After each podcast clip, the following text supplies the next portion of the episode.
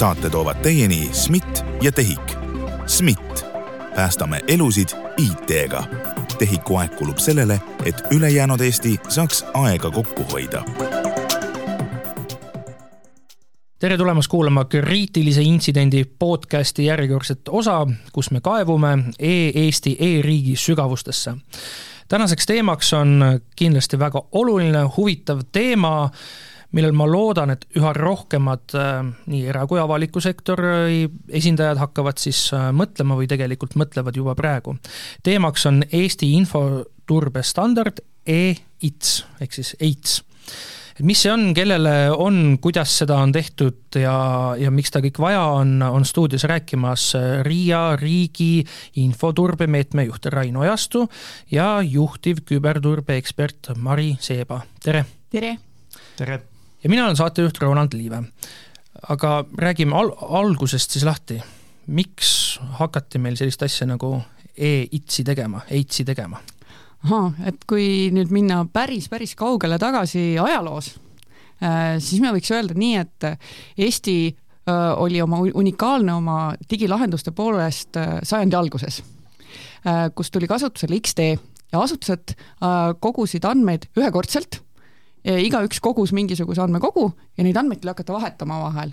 ja tekkis küsimus, et kuidas ma võin selle teise asutuse käest saadavaid andmeid usal-, usaldada et nende käideldavus ja terviklus ja konfidentsiaalsus muutus oluliseks teistele andmevahetuspartneritele ja niimoodi jõuti järeldusele, et on vaja mingisugust tur-, ühtset turbehalduse standardit või põhimõtet ja niimoodi tekkis e, ISKE.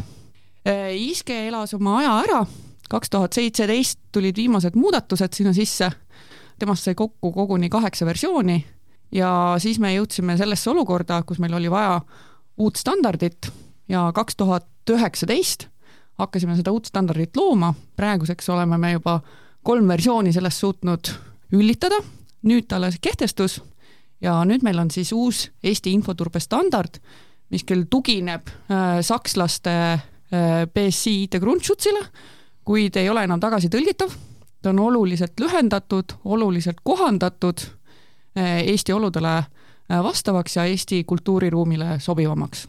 Mis meil siis oli see periood, kaks tuhat seitseteist te ütlesite, Iskel oli viimane nii-öelda selline update, uuendus tehti ja kaks tuhat üheksateist hakkas see AIDS-i teema pihta, mis meil siis seal vahepeal oli niimoodi, et metsik lääs või?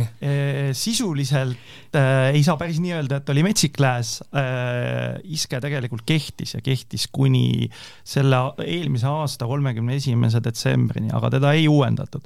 mis tähendab lühidalt, et kõikvõimalikud turvaküsimused, turvanõrkused äh, tegelikult võisid selles äh, dokumendis sees olla. aga miks me ei oleks ikkagi võinud uuesti seda isket uuendada?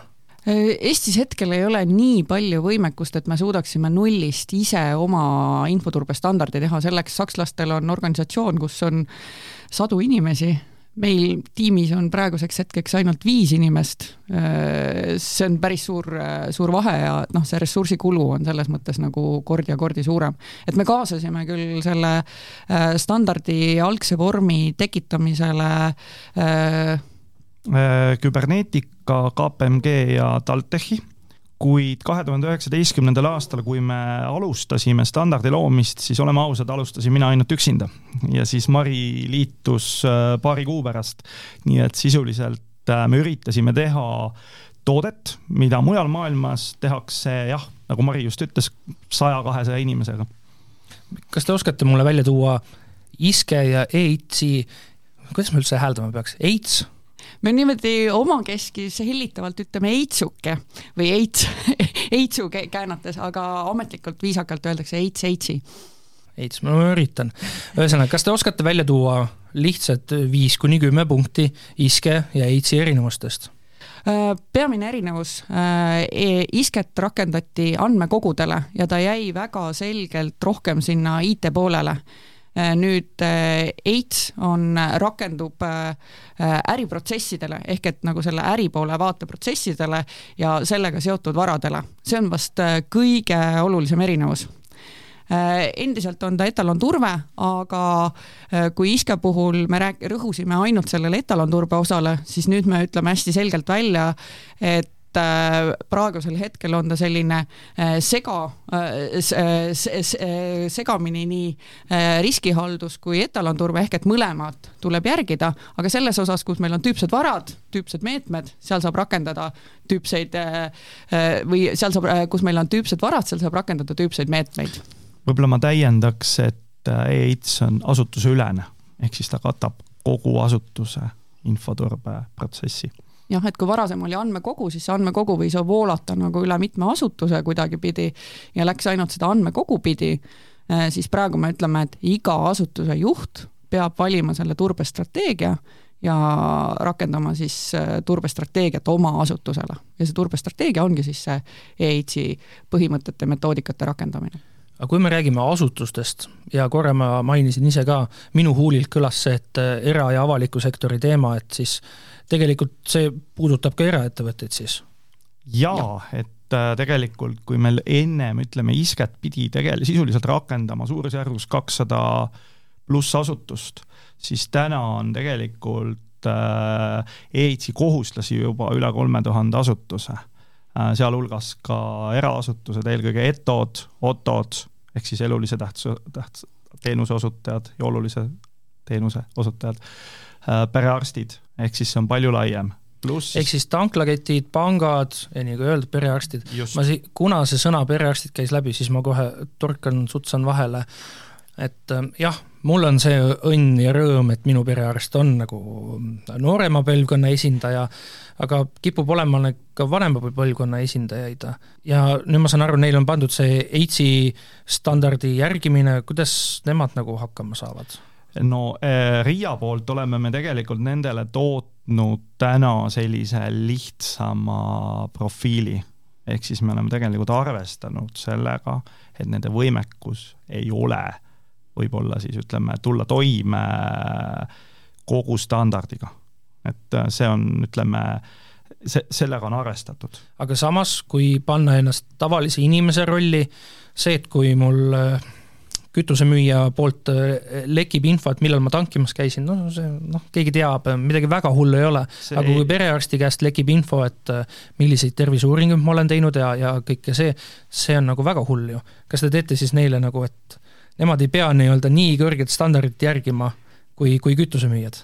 Ma tooksin äh, siin hoopis teistsuguse näite, et noh, et üks asi on nagu andmeleke, et teine asi on see pool, et et mitte, mitte väga hiljuti ühes perearstikeskuses üks server lõpetas töö ja selle tagajärjel nädal aega perearstikeskus ei andnud teenuseid mis on tegelikkuses, kui andmed lekivad, siis inimene jääb ellu, aga kui talle abi ei anta, siis see on palju-palju kriitilisem.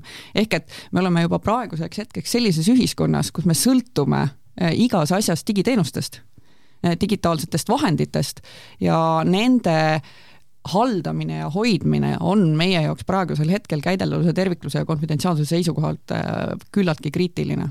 Äh, olgu siis ka öeldud, et need meetmed, mis me nendele nii-öelda välja oleme valinud, ongi arvestatud ikkagi selle aspektiga, et äh, kui nad järgivad, siis tõenäosus, et nende teenus seisma jääb või andmed lekivad, on väike kuna me oleme neist perearstidest juba alustanud rääkimist, siis kuidas, mis hetkel tuleb see, et keegi Riiast või kuskilt mujalt siis läheb äh, nii, võtame nüüd selle mapi kätte, hakkame linnukesi tegema, mis on teil äh, siis AIDS-is tehtud ja mis on tegemata? et millal selline kontrollmehhanism rakendub ja kuidas?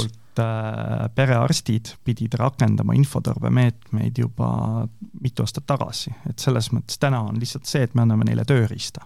ehk siis tegelikult ka täna võib RIA järelevalve minna kontrollima infoturbemeetmete rakendamist ja samuti siis, et kas nad on alustanud EITS-i rakendamist. Noh, ma toon siia kõrvale veel ka tegelikult teise asja, et üks asi, EITS annab nagu tööriista, kuidas neid infoturbemeetmeid rakendada, nõuded, et infoturbemeetmeid rakendada, tulevad ju hoopis teistest kohtadest, näiteks äh, isikuandmete kaitse seadusest ja isikuandmete kaitse üldmäärus on öeldud väga üldiselt, rakendada tuleb organisatsioonilised ja tehnilised turvameetmed.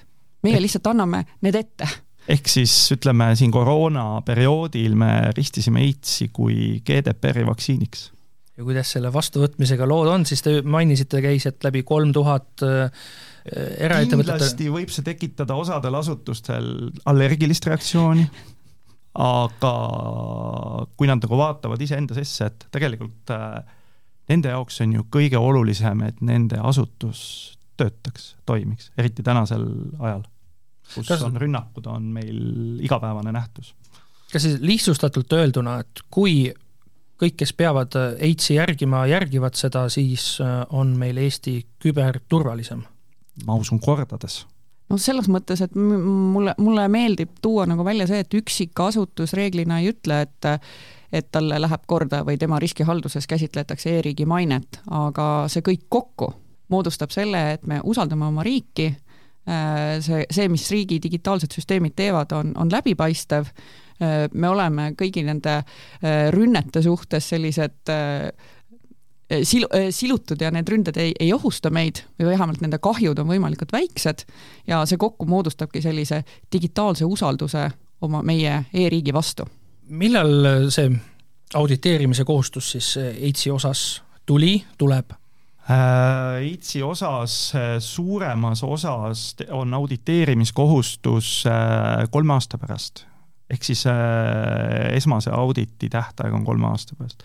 aga ehk meie jaanuaris kaks tuhat kakskümmend kolm me oleme selles seisus, et ehitus on kõik olemas, kõik teavad, mida nad peavad tegema ja nüüd eelduslikult nad teevad seda ja kolme aasta pärast siis on esimesed nii-öelda viljad näha, et kuida-, kuidas läks? jaa, aga samas me soovitame tegelikult hakata tegelema auditiga juba võimalikult kiiresti. Sest võib juhtuda, et audiitorite defitsiit võib turgu kummitada, kuigi me usume seda, et turg paneb asja paika, aga me, aga meie selge soovitus on mitte oodata kolme aastat. no igaks juhuks selgituseks ka see, et äh, audit on ise äh, üks turvameede ta annab sulle tagasisidet, mis sa oled teinud õigesti, mis, mis on valesti, ta annab sulle sõltumatu hinnangu sellest, mis on sinu praeguse hetke eh, riskid, võib-olla sa kõiki asutuse seespoolt ei näegi, tema annab sulle selle välja, välispidise hinnangu, lisaks annab ta sulle selle, eh, selle tagasiside, mis sa,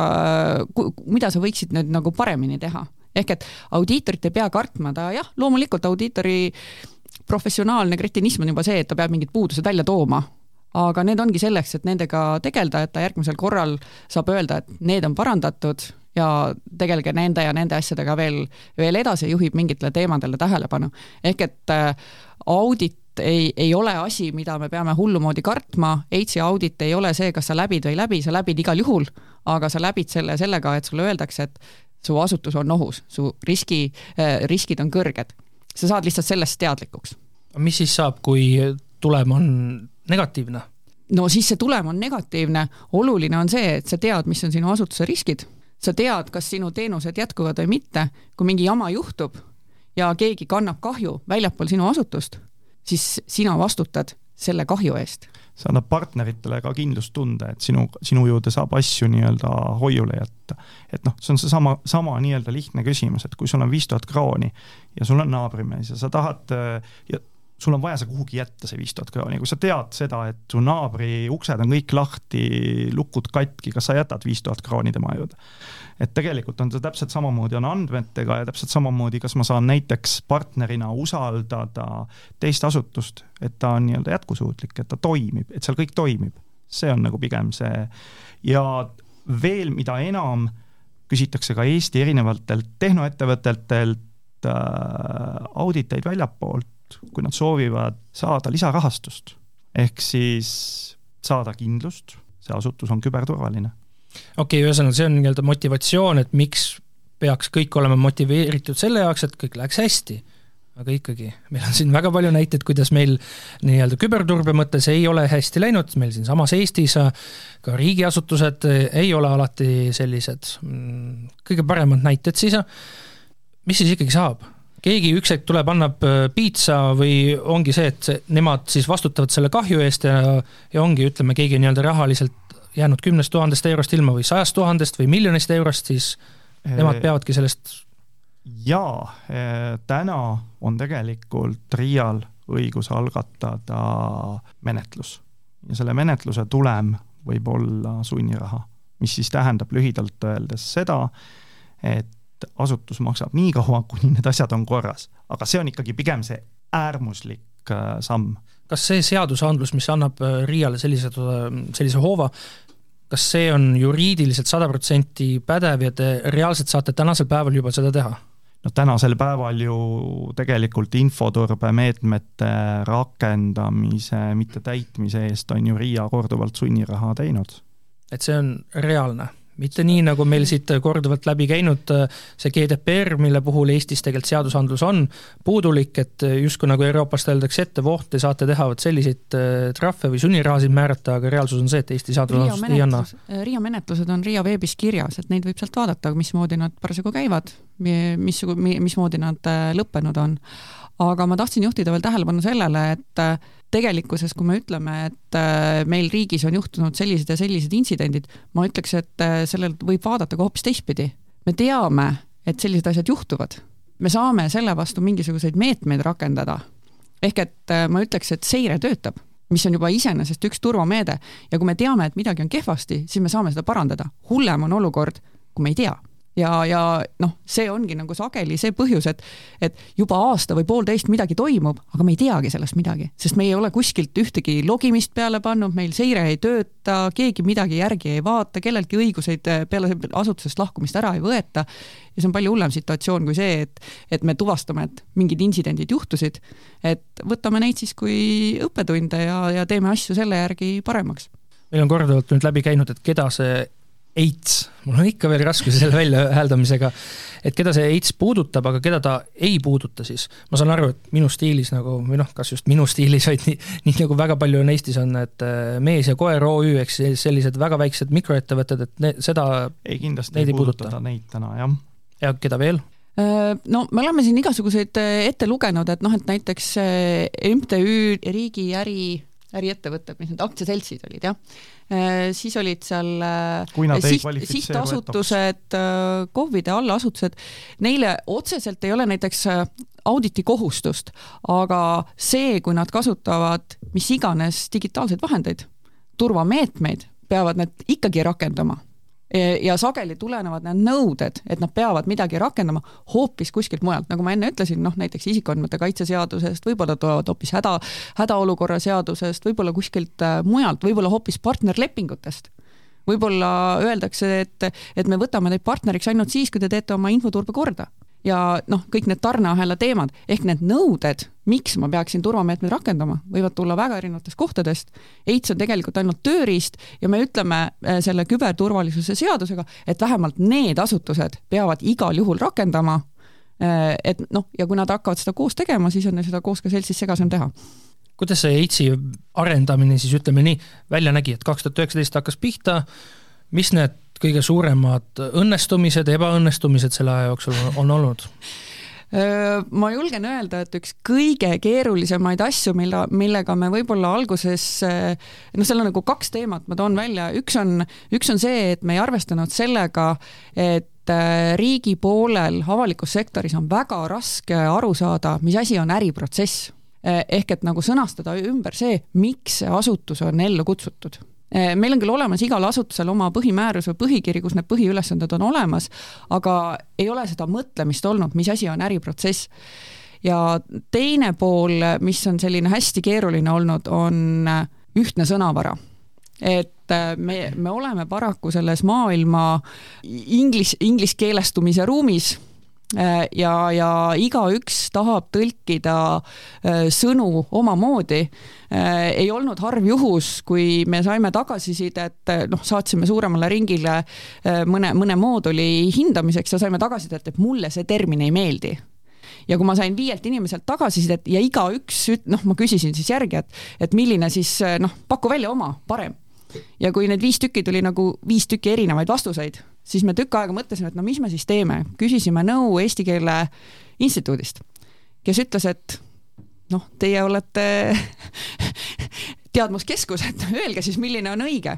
ehk et me tegime otsuse, et me kasutame läbivalt standardis termineid, mille me siis ise kehtestame, lihtsalt sellepärast, et standardis oleksid need igal pool alati ühtemoodi ja kui keegi oma asutuses või kuskil kõnekeeles tahab kasutada teistsuguseid termineid, andku minna.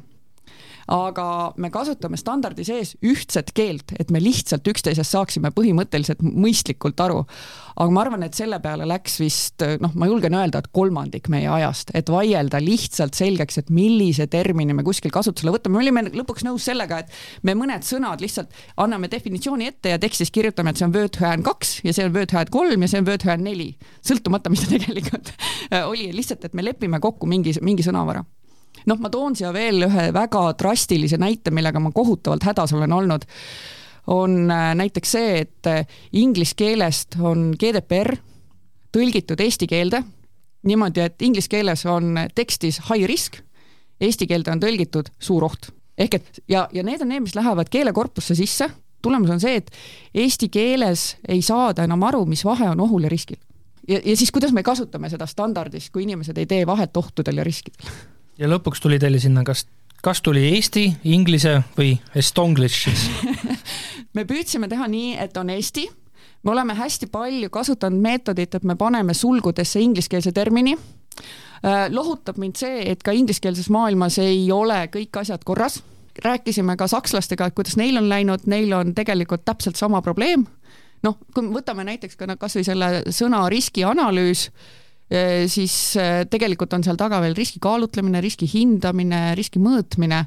Äh, kõike seda kokku eesti keeles nimetatakse riskianalüüsiks. meil ei ole mõtet selle vastu võidelda, aga me peame vähemalt tooma need etapid ja tegevused välja. et ja noh, inimesed kasutavad riskianalüüsi ja me jääme selle juurde. ja mis on siis selle aja jooksul, nende aastate jooksul hästi läinud?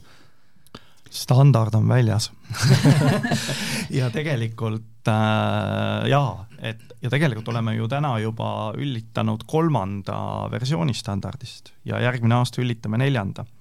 paradoksaalne on lihtsalt see olnud, et ta alles kehtestatakse, kehtestati esimesest jaanuarist valmisolek oli meil juba tegelikult kaks aastat tagasi, aga mis ma nagu tooksin välja selle, et ta on ikkagi Eesti standard, see, et me oleme laenanud teemasid eh, inglise keele eh, või sellest eh, sakslastelt, see on nagu üks asi, aga ta on meie oma kogukonna standard, me saame ise seal sees teha muutusi, me oleme praeguseks üllitanud juba kaks moodulit, mis on ainult Eesti-kesksed, üks käsitleb, tegelikult kolm moodulit, üks, kaks neist käsitlevad X-teed ja üks siis Eesti EID lahendusi ehk et mis on ainult Eesti jaoks, me, ainult meie, meie riigi kontekst ja me loodame kogukonna abile, et neid teemasid, mis meil siin Eestis on öö, omapärased ja vajavad, vajavad erilist tähelepanu, saavadki nagu need omad moodulid.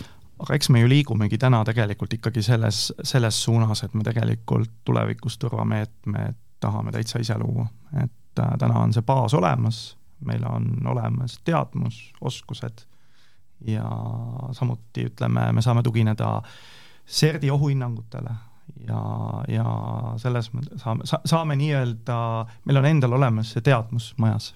Mm. -hmm kõigile, kes on nii-öelda niisama huvitatud või siis äh, on see kohustus olla huvitatud AIDS-ist, äh, siis äh, veebileht aids.riia.ee nagu väga põhjalik, detailne kõik ülevaade, mul ei ole ühtegi etteheidet, ühtegi etteheidet selle veebi osas aga mis on siis, kui ma nagu vaatan sellele otsa, kõik need punktid, alapunktid ja nii edasi, siis ma mõtlen, et pea läheb natukene nagu paksuks sellest teemast, et tahaks ikka niimoodi, et saaks kuskil maha istuda või okei okay,, tänapäeval olla arvutiekraani ees ja rääkida selle teise inimesega ja ja küsida neid küsimusi, et oota, mida ikka see nüüd tähendab ja, ja kuidas seda nüüd teha, et kas selline mingi moodusvahend on ka olemas? meil on praeguseks juba kahe aasta jooksul toimunud oskad sa öelda, kui palju neid koolitusi umbes? me oleme koolitanud täna inimesi umbes kaheksasada kuuskümmend inimest. aga kui palju neid äh, inimesi peaks olema, kes oleks koolitatud? see on väga hea küsimus no kõigis asutustes vähemalt kaks inimest võiks olla sellised, kes, kes saavad, et noh, nagu ma enne ütlesin, äh, mis on infoturbe rakendamise juures üks olulisemaid asju, äh, seda ei saa, noh, see ei ole nagu selline ühe inimese töö, seda ei saa üks inimene teha asutuses, see ei ole niisugune soolomäng. Eh, see peab olema asutuses vähemalt kaks, kes on sellised juhtivad, kes, et saaks tekkida diskussioon ja kes suudavad kõiki teisi kaasa tõmmata, ehk et see on see turvakultuuri kasvatamine ehk siis väga palju on veel minna. kui meil siin käis vestlust läbi, oli korra see kolm tuhat, millest, mis mulle mm -hmm. nagu pähe jäi ja te ütlesite, et kaheksasada on koolitatud, aga tegelikult peaks olema kolm tuhat korda kaks vähemalt mm. -hmm. ehk siis väga palju on minna äh,. väga palju on minna äh,, sellele üldse vastu ei vaidle, püüame selles suunas, et me saaksime püsti e-koolituskeskkonna, et äh, et oleks võimalik teha neid masskoolitusi ka nii nende, nendel aegadel, kui, kui täpselt sobib. püüame uuesti käima joosta selle koolituste äh, temaatika praeguseks oleme me ära koolitanud tegelikult ka konsultandid, kes on võimelised tegema seda koolitust ka raha eest, kui keegi kuskil tahab küsida ja tellida endale näiteks asutusse sisse. Äh, me oleme, kuna meie oma tiim Riias on nii väike, et me kõiki eraldi koolitada ei jõua, et siis me püüame panna sinna veebi püsti neid KKK osasse kõikvõimalikke tekkivaid küsimusi, äh, kirjutada need juhendid järjest, järjest selliseks äh, mugavamaks, lihtsamaks, arusaadavamaks, mitte, mitte pikemaks ja, ja, ja noh, liigume, liigume selles suunas ja eks me ootame ka kogukonnalt nagu seda tagasisidet, et mida ja kuidas tegelikult vaja on, et si-, siis me saame tegelikult vajadused teada alles. No tegu on kogukonna standardiga, siis tegelikult me ootaksime nagu pidevat tagasisidet, mis on valesti, mis on üleliigne, mis on äh,, mida oleks veel vaja, millele tähelepanu juhtida. ja, ja et me saaksime iga-aastaselt nende mõtetega uuenduse juures arvestada kuidas seda tagasisidet saab teile anda? kõige parem on seda tagasisidet saata standard.riia.ee. kui palju teile selline kirju tuleb üldse? ma mõtlen seda, mu küsimuse suurem ähm, nii-öelda mõte on selles, et kui palju ollakse ise huvitatud, ise kõik need koolitused, võimalused, kui palju neist võetakse kinni ja kui palju on seda, et peab nagu tagant surkima inimesi, ütlema, et kuule, vaata, tähtaeg siit ja hakkab niimoodi ja enne, ütleme, määruste ja seaduste jõustumist oli vaja inimesi ikkagi tagant surkida. täna on selge huvitõus ja meil on tegelikult terve rida fanaatikuid, kes on meile nii-öelda, kuidas ma siis niimoodi ilusti ütlen? kirjasaatjad. kirjasaatjad, just. kes juhivad tähelepanu ja suur aitäh neile et me oleme väga, meil on väga hea meel selle üle, kui meile saadetakse konstruktiivset kriitikat, millega meil on midagi peale hakata. sest ainult siis me saame asju paremaks teha, et me oleme praegu selles seisus, et äh, me oleme suutnud äh, tekitada selle kolmanda versiooni, me oma arust lähme järjest paremaks, nüüd me tahame saada tagasisidet, kuidas see asi võiks veel paremaks minna, mis on need muutused, mida me peaksime optimeerima, äh, mis on seal võib-olla liiga üle pingutatud, noh, ma toon näiteks selle, et, et, et meil on juba mitu magistrit tööd, äh, kes, kes annavad meile tegelikult sisendit, mis, mis võiks olla teistmoodi, see on väga tervitatav nähtus, et äh, ainult nii me saame kuidagipidi paremaks minna, et hetkel on ta selline ettekujutus, nagu ta on meie peades, nüüd läheb see järjest rohkem levima, järelikult hakkame saama tagasi, et noh, ma võin öelda, et infoturbehalduse rakendamine asutuses nii, et see toimima saab, on kolmeaastane protsess ja selle aja jooksul asjad jooksevad paika ja see, kes on juba kolm aastat midagi teinud, see tegelikult teab, mida vaja on. ja need on, see, see on see sihtgrupp, keda me otsime nagu kõige sellist konstruktiivsemat tagasisidet meile andma. kui palju üldse Riiast inimesi on, kes EITS-i kallal töötavad? vaevalt, et vaid teie kaks? ei, täna on äh, meie tiimis viis inimest kas mõni neist on olnud selline inimene, kes on teile pidevalt eelnevalt saatnud kirju ja siis te olete mõelnud, et mina olen see. Noh, super hea näide mitte olen... ainult sina, tegelikult no. on meil veel selliseid inimesi, ehk siis jaa, need inimesed ongi võetud protsessi käigus tööle.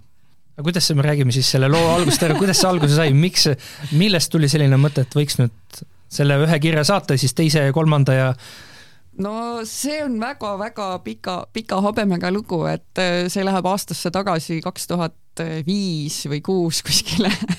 Kui, kui, kui ma esimest korda puutusin iskega kokku ja, ja, ja hakkasin aru saama, mis on nende iske sellised puudujäägid või puudused ja, ja, ja suhtlesin hästi palju nende Riia toonaste eh, iskehalduritega, kuni, kuni lõpuks ma niimoodi era, ise erasektoris olles eh, kirjutasin kokku iske jaoks eh, visiooni, mis seal kõik teistmoodi võiks olla ja, ja noh, selgus, et see võetigi Riias tegelikult kasutusele. Ja, ja, ja siis, kui selgus, et eh, tuleb teha oluline muudatus, siis sai kõvasti, kõvasti läbi räägitud igatepidi ja lõpuks siis Rain kuidagipidi rääkis mu ära. Nii et see on nagu selline märk teistele, kes on teemast huvitatud, kui on midagi öelda, anda tagasisidet Riiale, siis andke seda tagasisidet ja ehk kunagi ja, ja meie tiim ka laieneb, nii et üleskutse kirjutage standard.ria.ee. me tõesti otsime praegu uusi inimesi juurde. ja ei piisa sellest, kui ma saadan oma koera või kassi pildi, vaid kiri peab olema ka asjalik no loo soovitav on teda mitte selle chat GPT-ga kirjutada, vaid ikkagi ise. see, see oli väga väga aktuaalne. nii, aga ah, ma tahtsin lihtsalt vahemärkusena ära mainida, et see, millest me rääkisime, et, et mis keeles siis see kõik seal nii-öelda kirjutatud on ja tõesti, see seletav sõnaraamat on isegi veebis eits.ria.ee lehel olemas, et äh, tõesti eesti, saksa ja inglise keeles kõik, äh, et näiteks reply attack eesti keeles taasesitusrünne. nii et siit saab siis ka seda eesti keelt nii-öelda õppida, kui kellelgi on nagu tööalaselt läinud natukene liiga palju inglise keele peale üle. mida olulist veel EITS-iga seoses on, mida, mida tasuks ära mainida? Millest peaksid kõik eestlased äh, olema kursis? mida ma tahaksin äh, noh, tuua, tuua lauale sellise äh, valusa teemana, et infoturve ei ole asi, mida saab pärast tekina peale laotada infoturve on asi, millega tuleb hakata tegelema juba mingisuguses plaanimise või kavandamise faasis, et kui me tahame ikkagi oma kontorit plaanida nii, et võõrad inimesed ei satu meie kõige tagumistesse tubadesse, siis me peame disainima oma ruumijaotused niimoodi, et, et külaliste toad ja tualetid on kuskil eesotsas välisukse juures ja, ja tagumised toad jäävad ikkagi kuskile kaugele, ehk et need turvateemad tuleb plaanimise käigus väga varakult tuua lauale ainult niimoodi me saame selle turvakultuuri asutuses sisse, sisse plaanida. näiteks seesama teema, mis ma praegu mainisin, kas see on turvameede, kas see on EITSis mainitud äh, hoonete mooduli all? ehk et see ei ole ainult IT, see on kogu meie asutuse selline üldise riskihalduse, IT-halduse, äh, ruumide halduse mõttemaailm, kuidas meie protsessid saaksid olla turvalised. ehk siis seal on nagu kirjeldatud ka selliseid asju, no okei okay,, RS ehk riigisaladus on oma, omaette teema, seal on omad nii-öelda lähenemised, mis juba ütlevadki ette, et tõesti, sul peabki ainult neli seina olema, ühtegi akent ei tohi toas olla, aga seal on ka siis nagu analoogseid asju öeldud, et kui sul on, oled koosolekute ruumis ja mingi vot selline teema on arutelusel, siis tõesti, pane kardin ette ja. no põhimõtteliselt jah, sellised teemad on kindlasti seal olemas, et, et, et su koosolekute ruumi wifi ei tohiks olla päris see, millega kõik sisevõrgud on nagu ühendatud ja kõik see pool, eks ole, et et sul peavad olema seal ikkagi erinevad tsoonid ja, ja sul peab olema see teema läbi mõeldud, ta juhib nagu eelkõige tähelepanu, et mõtle need, need, need teemad läbi. ehk et mõttekäik on ju nii, et see on parim praktika tegelikkuses me teeme oma asjad asutustes, kõik ju mõtleme ise, mõtleme välja kõik need asjad, see EITS annab meile checklist'i, et mõtle see asi ka läbi, mõtle see asi ka läbi, vaata, kas sa selle peale mõtlesid, kas see üldse tul tuli nagu mõttesse. ja, ja, ja selle infoturbega tegeleme algusest peale kuni selle hetkeni välja, kuni me seda süsteemi maha võtame, ehk et kui paljud praegu panevad oma andmeid kuskile pilve, äh, siis, siis alati tuleb mõtelda läbi ka see strateegia, kuidas ma need andmeid sealt pilvest pärast kätte saan ehk et see migreerimispoliitika, teenuste lõpetamise poliitika, kui me võtame mingi lahenduse kasutusele, kuidas me saame sealt pärast ümber kolida? mis on need meie varundamise võimalused, et need tuleb kõik algusest peale läbi mõelda, kuni selle viimase etapini terve elutsükli käigus läbi mõelda. eriti kriitiline on see just avalikus sektoris ja igasuguseid uusi IT-tooteid äh, luues peaks absoluutselt kohe arvestama turvaga, ehk siis sisuliselt secure by design põhimõttel.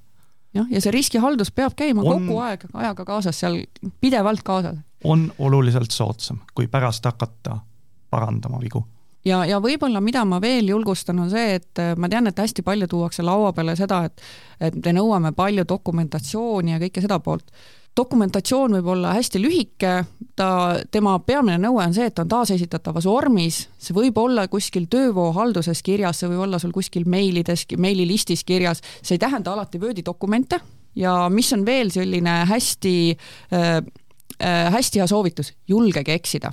Eriti dokumente kirjutades, parem kirjutage üks, üks kehv dokument, äh, aga kirjutage ise ja uskuge mind, kui te teda iga aasta korra läbi vaatate ja muudate, siis kolme aasta pärast on ta väga hea dokument. sellepärast, et ta on ise kirjutatud, te kirjutasite ta selle jaoks, milleks teil endal seda vaja oli ja ükski konsultant ei suuda mitte kunagi kirjutada nii head dokumenti. konsultandid suudavad kirjutada ilusaid dokumente, kas ka kasulikke, see on iseasi. kas lõpetuseks on veel midagi südamel?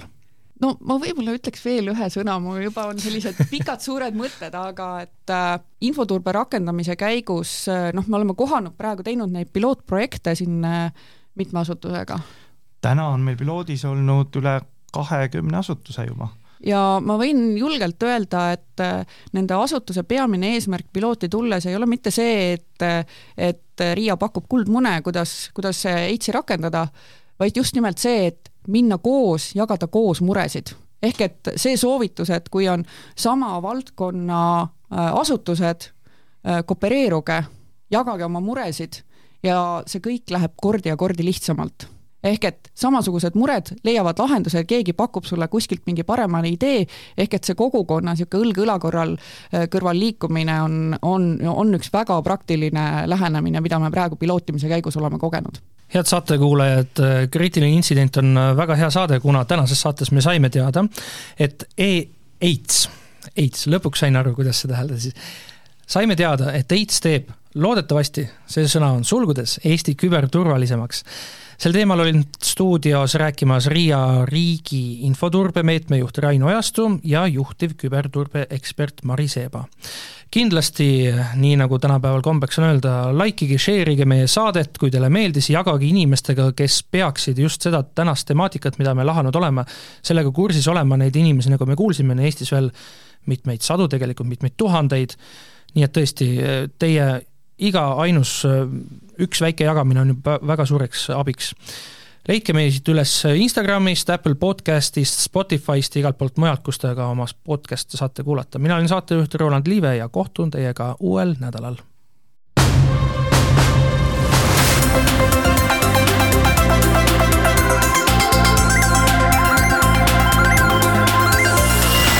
saate toovad teieni SMIT ja TEHIK.